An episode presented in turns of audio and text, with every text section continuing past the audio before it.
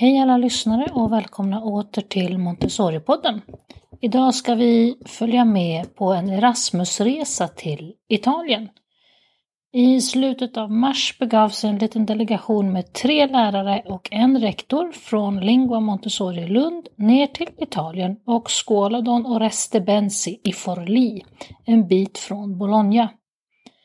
Vi ska få höra lite om deras resa och upplevelse, men också hur man förbereder sig för att ta emot 34 italienare i Lund i mitten av maj. För er som vill läsa mer om Erasmus ligger länkar till detta i texten som hör till avsnittet i din poddspelare. Jag heter Maria Schacki och gör denna podd för Montessori Sverige. God lyssning!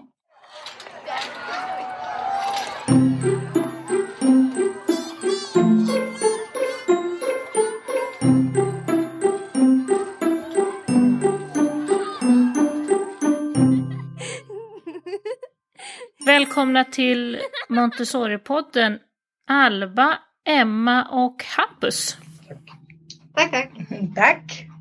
Ni sitter i Lund på Lingua Montessori-skola, eller hur? Ja. Ja. Japp. Men vi kan börja med att ni får presentera er själva bara kort vad ni heter och vad ni har för bakgrund. Eh, ja, jag heter Hampus Holmgren. Eh, jag är eh, SO och engelska lärare här på Montessori. Relativt ny här men har passat in, kommit in väldigt bra känner jag personligen. Jag trivs på skolan. och lär mig nya saker i väldigt mycket i och med att det är mitt första riktiga jobb så att säga, eh, fast jobb. Så det är spännande.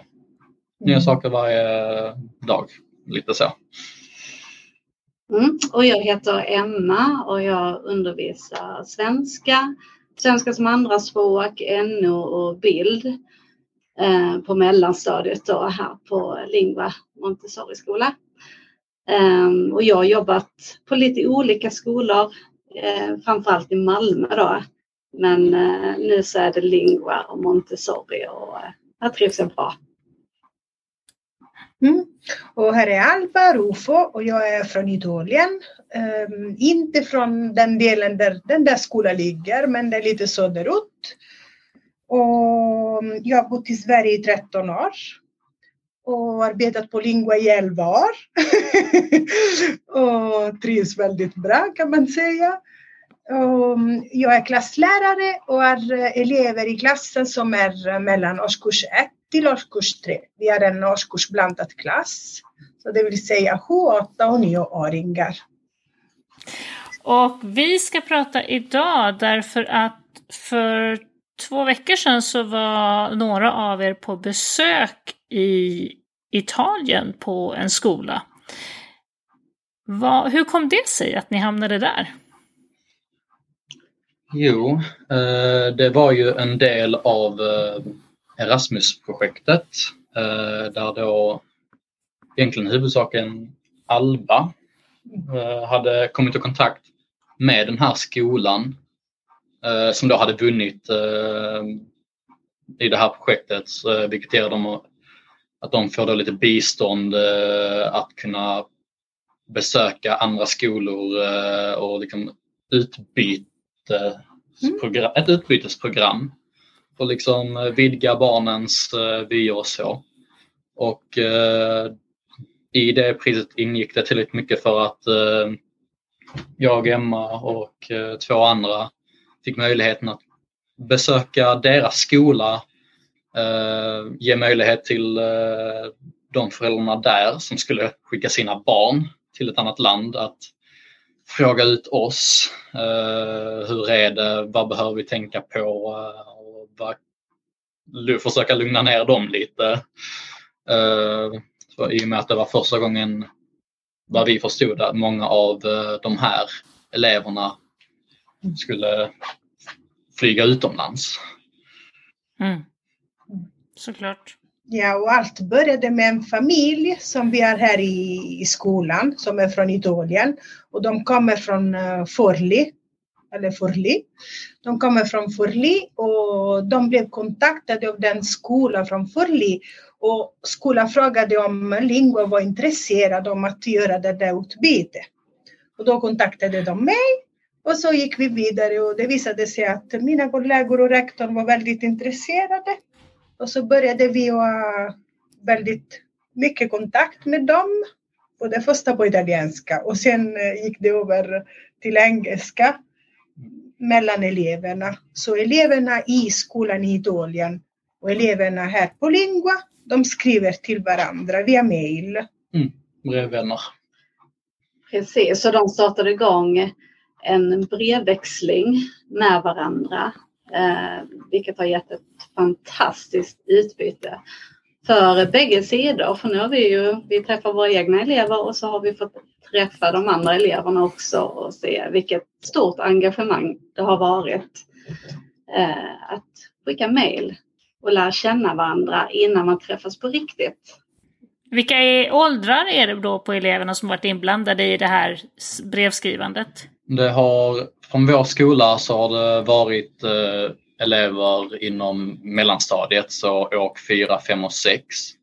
Och eh, från eh, den italienska skolan har det varit, eh, ja de hade ju lite annorlunda klassificeringar men eh, i princip så var det de i årskurs 5 och 6. Så mellan ja, 11-12 mm. eh, års ålder. Mm, så ungefär jämnåriga? Jämnåriga, ja. Mm, det kallas för scuole medie i Italien. Och den här skolan då eh, ligger ju som du sa Alba i Forli. Det ligger vad är det, utanför Bologna va? Det är nära, väldigt nära Ravenna. Ravenna, Bologna mm. och det är Emilia Romagna. Mm. Mm. Så det tillhör ju de, man kan säga de norra och därmed lite mer välbärgade delarna av Italien också. Japp, ja, det gör det. Mm. Och det... Vad, heter sko... Vad heter skolan? Mm. Scuola Don Oreste Benzi heter skolan. Mm. Mm. Med Don, Don betyder att det var en präst. Oreste Benzi var en präst. Som jag vet inte om han lever uh, fortfarande. Nej, han han dog någon gång vid 2000, eh, i början av 2000 så. Men han, eh, ja man forskade upp lite eh, när man väl skulle dit. Han kämpade väldigt mycket för eh, alltså, ungars, eh, ungdomars rätt att gå i skolan och eh, fritid och skola. Alltså väldigt mycket för dem så att säga. Jag tror till och med att han blev helgonförklarad. Ja, ja precis. Han, han har blivit helgonförklarad mm. också till och med efter sin död. Så det är en rätt Vad jag såg eh, på den här skolans hemsida när jag var inne och tittade då var att de gör reklam för att de ska vara en, en, en flerspråkig så här bilingual school, det vill säga att de satsar lite mer på engelskan. Eh, jag bor ju också i Italien så jag är ju väl medveten om att den ordinarie engelskundervisningen här på skolorna här i Italien är inte på något sätt det som vi är vana vid i Sverige. Mm. de, det, det är, de lär sig inte jättebra engelska helt enkelt. Um, och det här ska då vara en skola som faktiskt jobbar mer med det. Hur var er upplevelse av just den biten? Hur känner ni era elevers engelska kontra de här elevernas engelska? Jag tyckte att deras elevers engelska, de, de kändes trygga i sin engelska eh, och mm. vana vid att prata engelska och ha det som, eh, som språk som de använder mycket. Så att det, mm. Eh, det, det märktes att de är vana vid det. Och de som inte mm. var vana hade olika strategier för att uh, komma vidare med att försöka förklara med andra ord eller mm. Uh, vilket jag upptäckte med många som var lite osäkra. Snabbt fråga en kompis, ah, men, hur säger man detta liksom? Uh, och sen bara, ja ah, men detta. Men anledningen till att de är så vana vid det så att säga, jag tror jag har väldigt mycket att deras engelska lärare uh, kom från London huvudsakligen. Mm. Och de hade andra lärare som pratade, vilket vi hade turen när på engelska lektionen att eh, hon tog upp att eh, vi har, de har andra elever som kommer från Amerika. Då har de en amerikanskt mm. uttal och andra lärare som hade liksom, olika accenter vilket påverkar språket också lite så. Så de fick lära sig om det också i sin uh, mm. undervisning. Mm. Men i, i, deras timplan så har de uh, typ tre gånger så mycket engelska än en vanlig skola. Så de satsar mycket mer på språk och sen har de också spanska Ehm, som, som språk, som moderna språk som kanske inte alla skolor har va? De, i Italien. Man har inte två olika språk, man har bara en oftast.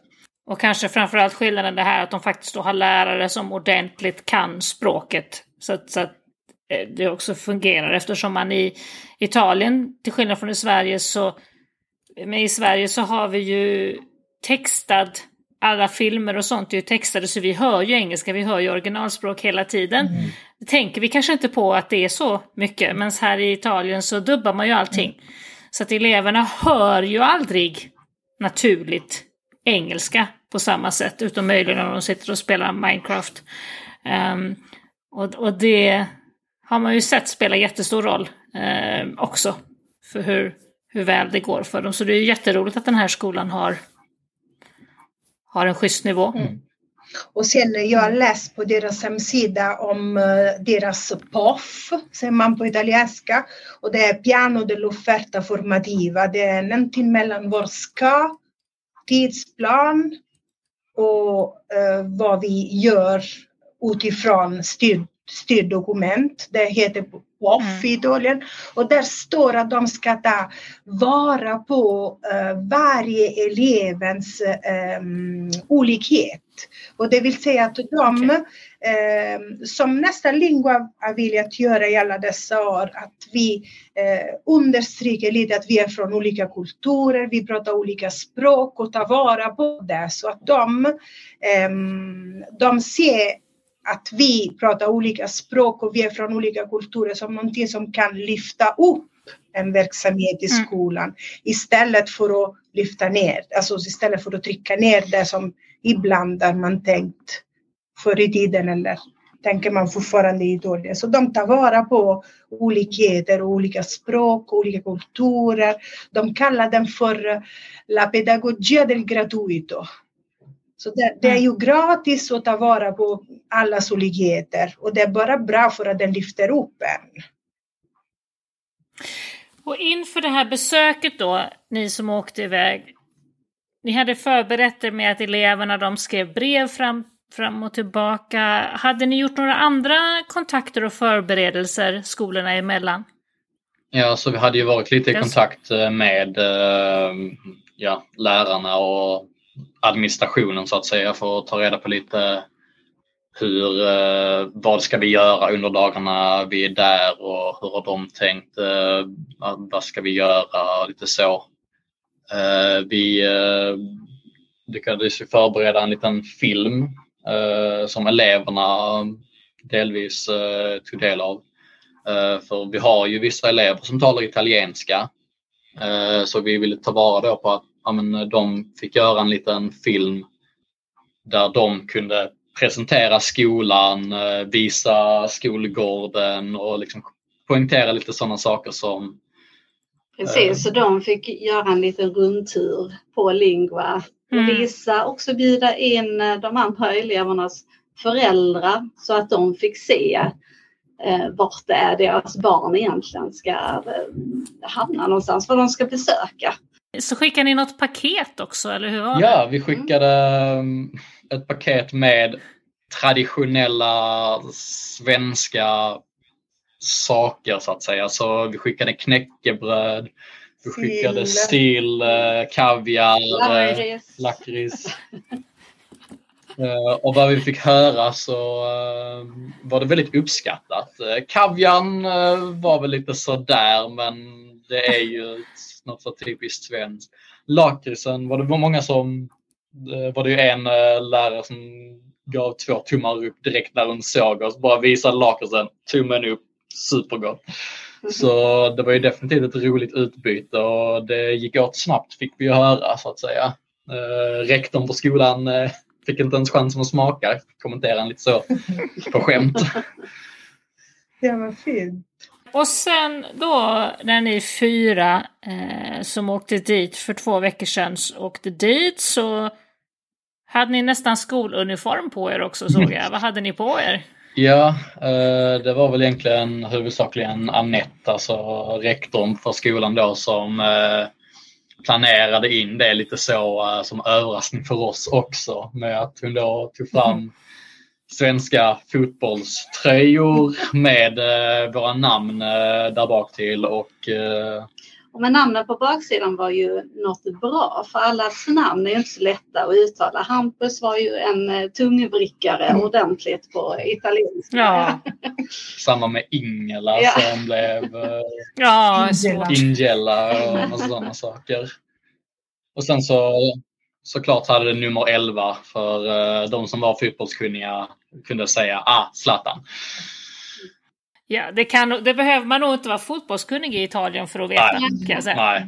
Nej, det, det, är standard. Det är det man vet om Sverige. Ja. Sen hade vi också med oss ett eh, pysselprojekt, eh, origamiprojekt, där våra elever hade fått filma hur de ska vika eh, en särskild origamiteknik.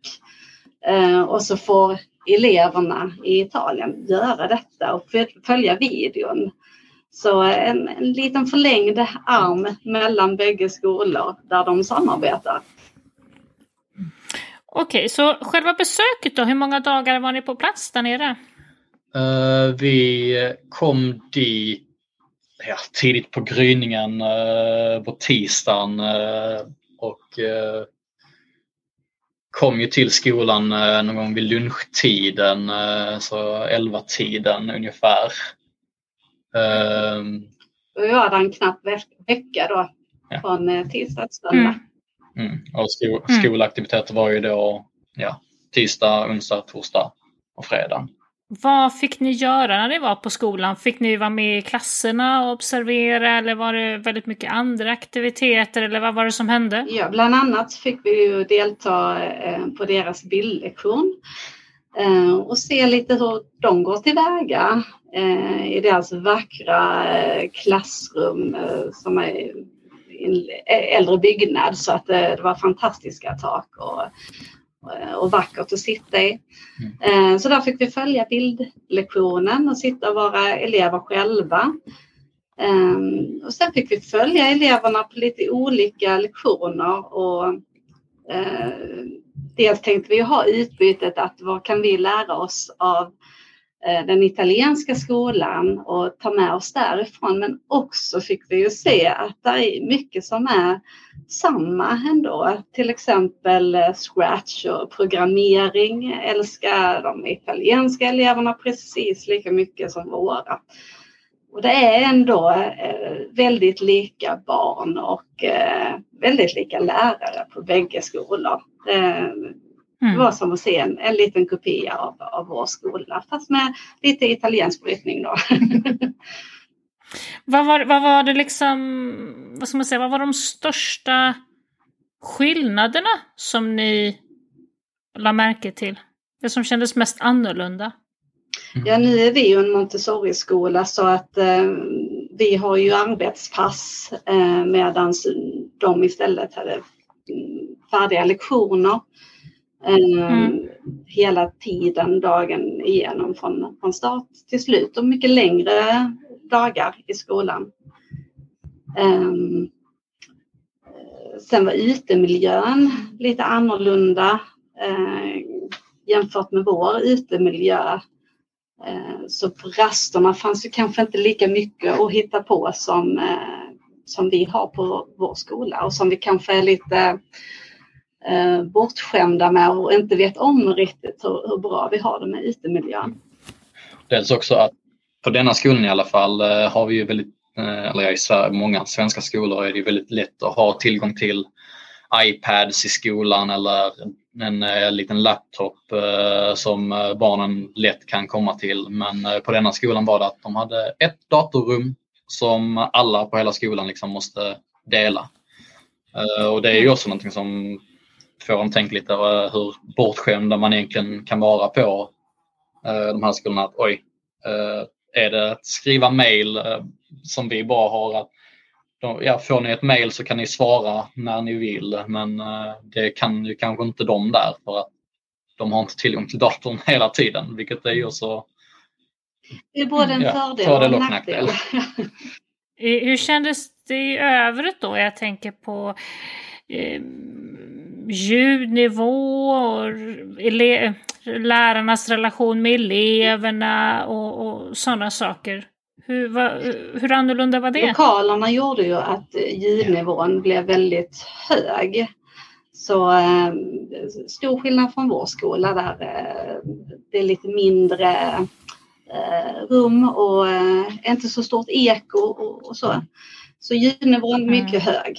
Ja. Eh, I... Mycket, stenmateri mycket stenmaterial och så kanske då i ytskikten som gör också att det blir en annan ljudnivå. Alltså marmorgolv och sådana saker. Ja, det... och framförallt att det var så högt i tak. Eh, och Mm. Det hade ju varit en gammal kyrka eller liknande så med alltså, stora välvda tak och uh, liksom mm. stora målningar, uh, alfrescos i taket. Och, alltså det var ju säkert, alltså det var nästan lite som att gå runt i uh, kyrka i varje klassrum så att säga och då blev ju liksom som akustik, akustiken blev ju därefter. Uh, så mm. även om det blev liksom ja, normalstim som här liksom att ja, men man pratar lite allt sånt så i och med att det blev eko på det det förstärktes ganska bra där. Ja. Uff, vad jobbigt. Ja. Eh, hur, hur upplevde ni just den här dynamiken och relationen mellan lärare och elever? Ja, väldigt Kändes fin. den annorlunda? Väldigt fin. Det visar på hur viktigt det är med ett samarbete och bra kontakt med eleverna. För, eh, det var en väldigt fin relation eh, elever och lärare emellan. Mm. De hade ju på engelska lektionen vi var på så var det ju många som liksom, eller ja, inte många men vissa elever avslutade lektionen med att gå fram och krama läraren liksom mm. Eh, innan de skulle avsluta mm. för dagen så att säga. Så det var ju väldigt bra relation där. Eh, de kan skämta med varandra och liksom uh, ha roligt med varandra. Det är inte bara liksom eh, alltså strängt och stelt så att säga. Utan man kunde liksom, det, var, det blev en rolig sak. Eh. En trivsam skola för både elever och lärare. Mm. Och nu ska ju då ett gäng komma till er i maj. Men då kommer både lärare och elever den gången. Hur många blir de som kommer? Det är eh, sju eh, eller sex lärare plus eh, rektorn och 34 mm. elever. 34? Ja. Mm. Kära någon. Ja. Och, hur, och, hur, och hur ska ni... Eh, ska de bo hos familjer hos er på skolan då? Ska ni ha värdfamiljer eller ska ni lägga dem i sovsalar Nej, eller vad ska ni göra? Eh, de har, um, alltså genom um, Erasmus-projektet, de har fått pengar för att hyra hostel som vandrarhem som ligger jättenära centralen här i Lund. Mm. Och de, de har plats, sovplats till alla. Så alla kommer att sova okay. där och de har tillgång till kök så de kan laga både frukost och middag. Och lunch kommer vi att rotera här så två klasser går ut kanske på utflykt så vi får plats så att de kan äta här hos oss på lunch. Eh, hur länge blir de hos er? Eh, jag tror att de kommer hit på, eh, de landar på måndag kväll. Så är de här tisdag, onsdag, torsdag och fredag. Fyra dagar. Oj. Mm, mm. Och en, dag, en av dessa mm. dagar blir det ju Linguas jubileum. Då kommer vi allihopa att äta ute. Mm. Ja, så de eh, passar på att pricka in festligheterna, 15-årskalaset också. Ja. ja. Och som ni sa där, att i, ni var ju nere nu också för att dels möta både um, elever och lärare men också föräldrar då för att se att de törs skicka iväg sina barn Eh, hur var det? Träffade ni en del av familjerna också där nere? Eh, ja, vi var med på ett eh, föräldramöte. Eh, mm. Det är väl lite mer högljutt än ett föräldramöte i och intensivt och, eh, men också mm. väldigt roligt. Eh, men mm, också mm. lite samma typ av föräldrar som, som vi har. De är måna om sina barn. De vill veta vilka är vi? Vart ska barnen? Mm. Men med högljudda. Kommer de att ha de ska vara med i skolan då såklart och så bor de på sitt hostel. Men har de, kommer du ha något system att de kommer och träffar andra familjer och har någon kontakt så med hemmen eller kommer det bara handla om skolan och hostel? Vi har, frå vi har frågat eh, några familjer om de eh, kan ta mm. emot mm. och det kanske kan vi göra men det är väldigt många elever. Mm. Vi, vi får se. Vi kommer säkert vi vuxna att ta hem några elever vi som bor närmast Lund. Mm.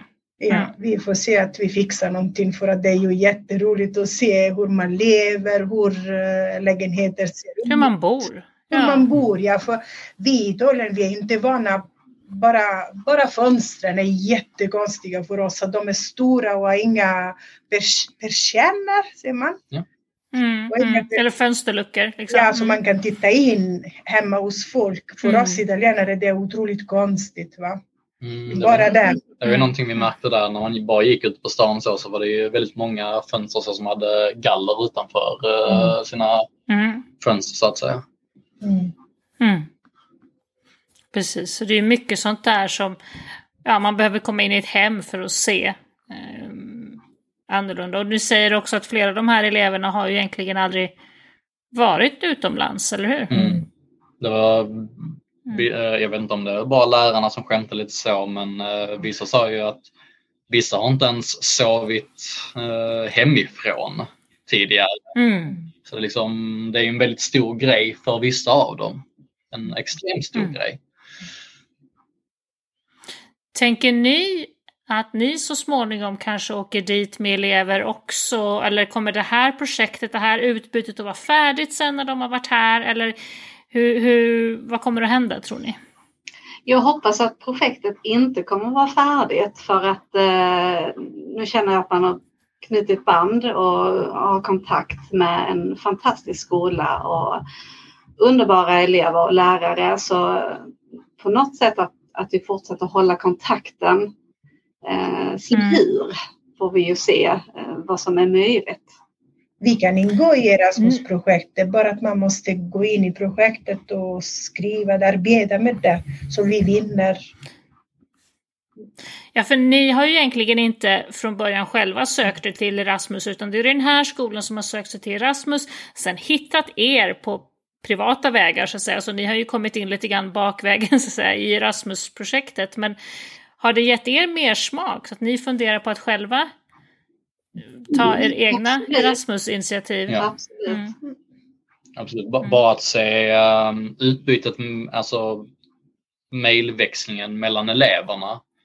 Bara det är ju en uh, väldigt givande sak både för, alltså både genom att träna deras engelska men också liksom uh, just eh, rent allmänbildning, så liksom att prata med eh, elever från andra världsdelar, eh, liksom andra länder, andras kulturer och liksom få det här utbytet och utvecklas genom det. Mm. Känns jättenyttigt för mm. dagens ungdomar. Mm.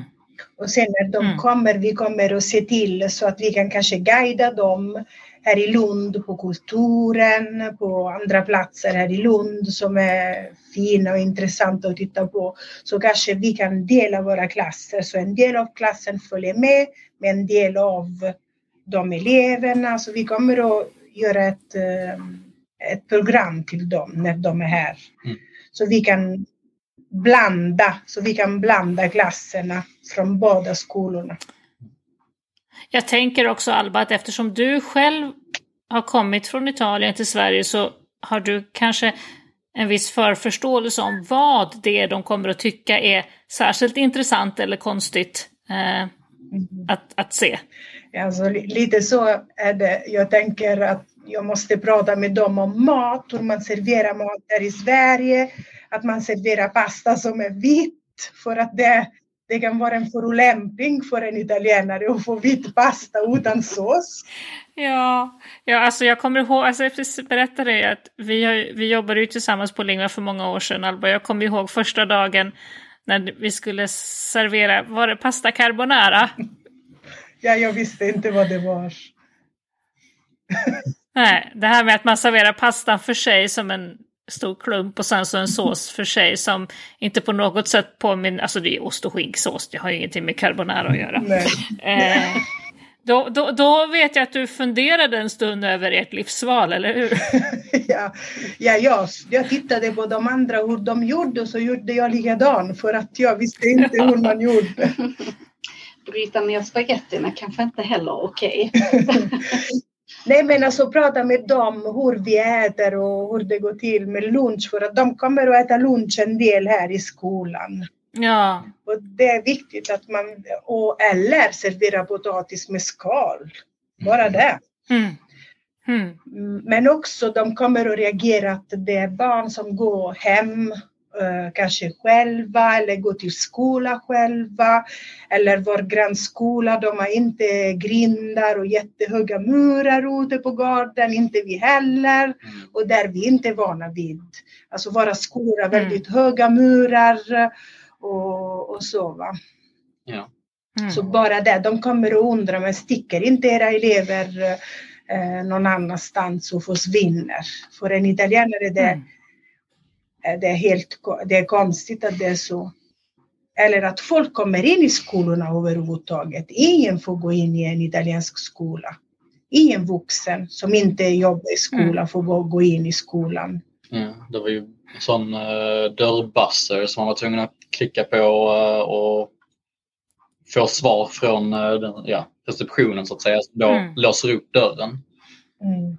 Uh, ja, ingen har... går in i skolan. Ingen vuxen går in i skolan. All, all, hämt, all hämtning och lämning sker ju liksom vid grinden. Ju. Mm. mm. Och också mm. där kommer det att vara ju konstigt för dem att se folk som är i skolan som inte är lärare. Mm. mm. Hur fungerade lunchen där i, på den skolan i Italien? Så det de hade de sa till oss var att uh, för varje... Det, de lagade lunch på plats. De hade ett eget kök och så. Mm. Uh, så uh, jag tror läraren, en lärare nämnde att innan nio eller så på morgonen så ska varje elev ha meddelat sin lärare att de har med sig mat eller de vill äta skolmaten. Så räknade de ihop hur många portioner som då ska ätas där så att säga. Ger det till då ja, skolkocken eller vad man nu vill kalla det så att säga som då förbereder så många rätter. Eh, medan då de som har med sig mat har med sig egen mat och det var ju allt från eh, någon pizza slice till eh, eh pastasallad, couscoussallad eh, och lite sådana saker. Mm. Eh, så det var varierat så att säga. Vissa mm. Eh, från den klassen som vi såg, eh, jag tror att det var femmorna eller var det, nej det var sexorna som vi såg äta väl när vi åt. Ja precis, de äldre. Ja de äldre eleverna mm. och då var det kanske ja, 40 procent som åt skolmaten, 60 procent som hade med sig mat. Men vi vet ju inte om det är vanliga nummer eller om det var just för att den dagens skolmat kanske inte var någon större hit. Eller... Nej, jag tror att det, det får man välja själv. För ja. Ju mer skolmaten mm. kostar, då kanske folk, eh, inte kanske, folk lagar mat hemma. Och då lagar de mat mm. till sina barn. Det är ju helt normalt i Italien att laga mat till sitt barn till lunch. Mm, mm, mm, mm. det är ingen kost, inga konstigheter med det. Vad tänker era elever om att, de här, att det här gänget ska komma i maj? Är de, är de förväntansfulla? Är de peppade? Verkligen. ännu mer sedan vi har varit där och hälsat på.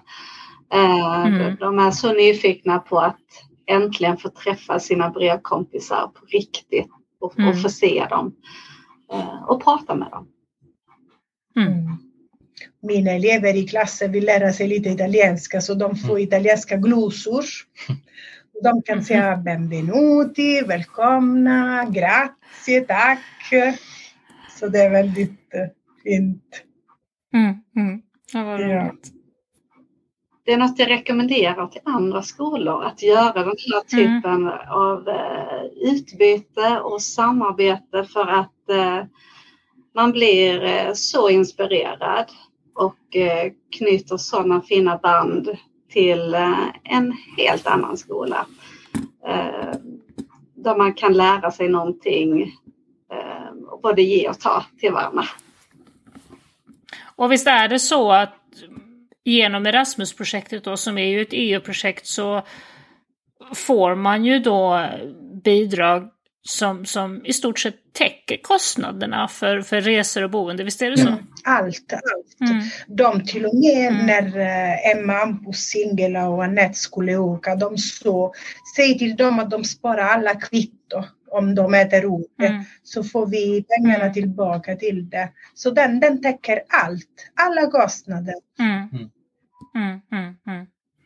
och syftet med Erasmus är ju just det här som du, du säger Emma, att de ska eh, helt enkelt bara vidga sina vyer. Och det på, på, på det sättet så kan jag känna att det fungerar väl ihop med Montessori-pedagogikens tankar om, om, om fredsfostran. Därför att de lär känna barn i andra länder och ja, får upp ögonen för hur olika och lika vi är. Då äh, återkommer vi till er i maj när äh, ni har era vänner på besök.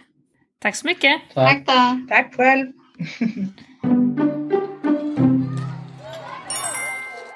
Tack för att du har lyssnat.